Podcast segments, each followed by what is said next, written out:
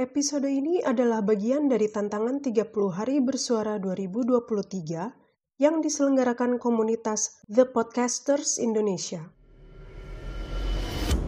Dalam setahun, ditemukan, lari menghilang, yang lahir, yang berpulang, menang, kalah, memulai, mengakhiri, yang Yang sampai, yang yang baru saja saja beranjak. Selamat datang di siniar Semut Merah Kaizen. Di penghujung tahun ini, ada koloni dusun puisi yang mengiringi kamu dengan puisi-puisi merdu Untuk bertransisi dari pelukan hangat tahun ini menuju petualangan baru di tahun depan. Selamat, Selamat mendengarkan. mendengarkan.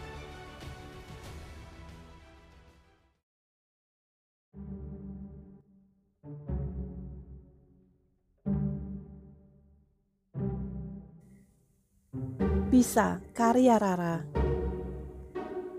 Bisa, kamu pasti bisa. Kata-kata yang seharusnya menjadi penyemangat justru membuatku merasa tersengat, sesak, penat.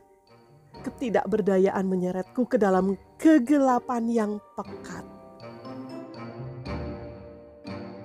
Bisa, kamu pasti bisa.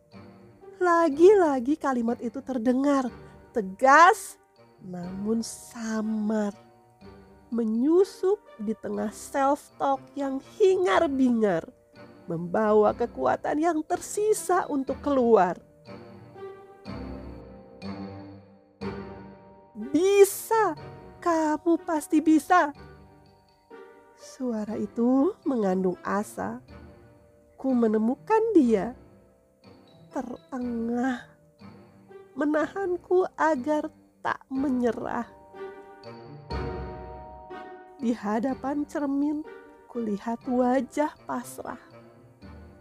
Lirih, ia berkata, "Bisa, aku pasti bisa."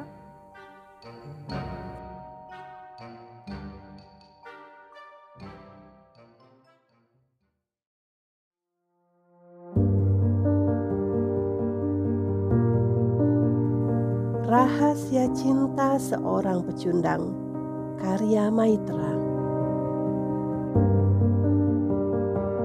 Di sebuah malam yang krik-krik Aku temukan cinta dalam gelap berbisa. Di sudut jalan, di balik tawa Bermain cahaya, berdansa dalam euforia mabuk asmara. Bisa, teriakku, penuh harap dan derita. Bisa, ucapnya, dengan senyum racun yang menggoda. Di antara bisikan dan teriakan, aku berdansa dengan bayangan, mabuk dalam permainan kata. Cinta, oh cinta, menelikung bagai bisa membawa kita luluh pada keinginan badan.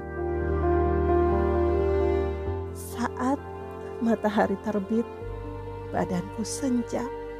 Aku terpuruk dalam linang.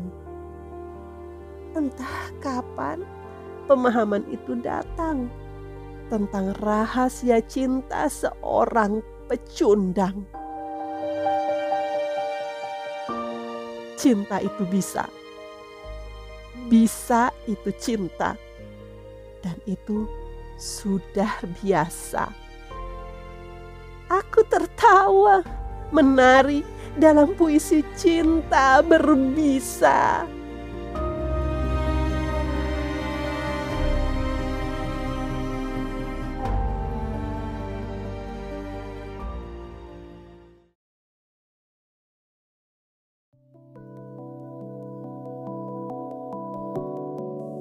Jatuh Cinta karya Irisyana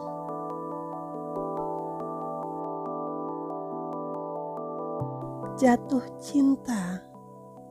Sungguh aku jatuh cinta pada dirinya yang berada tepat di pelupuk mata. Sejak belia, ia terbiasa mencecap sunyi, menghidu sepi, hingga hafal di luar kepala bagaimana cara kehampaan bekerja.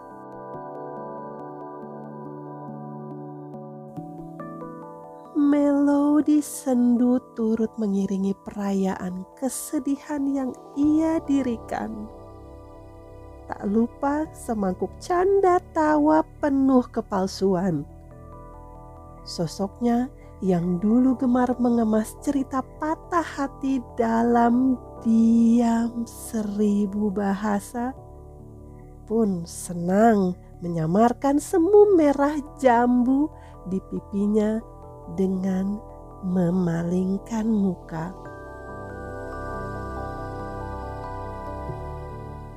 hidupnya selayak kotak hitam berselimut duri tajam, sehingga tak ada seorang pun yang berani membukanya. Tembok tinggi berdiri kokoh membentengi dirinya dengan dunia. Dinding itu terpaksa ia bangun lantaran tak lagi percaya pada pertemuan yang acap kali berujung nestapa.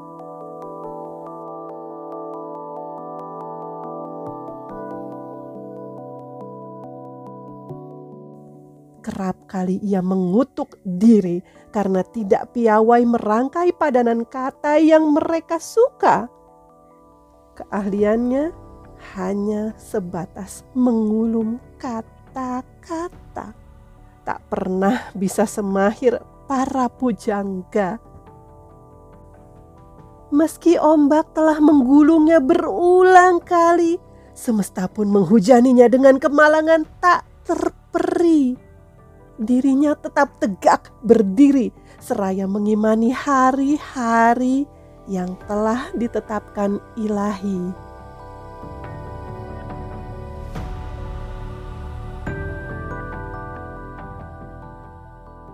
Kini sosoknya telah jauh berbeda.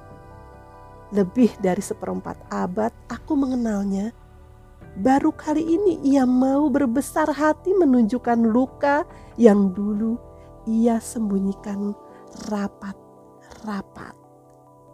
Aku pun turut berbangga karena ia hampir berhasil menyelamatkan diri dari monster yang selama ini bersarang dalam kepalanya. Kendati masih butuh proses panjang untuk dapat mengalahkan monster itu, ia tak akan menyerah begitu saja. Sungguh, aku jatuh cinta pada dirinya yang berada tepat di pelupuk mata. Aku ingin dan akan terus memeluk erat tubuh itu untuk selamanya Rona bahagia tampak jelas terlukis di wajahnya. Di dalam cermin itu, ia tersenyum. Dan aku pun juga.